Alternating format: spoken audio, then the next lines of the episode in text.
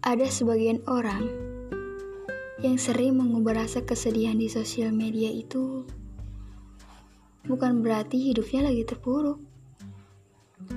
Ada juga sebagian orang yang sering mengubah rasa kebahagiaan di sosial media itu bukan juga hidupnya lagi baik-baik aja. I know they are good at hiding their own feelings.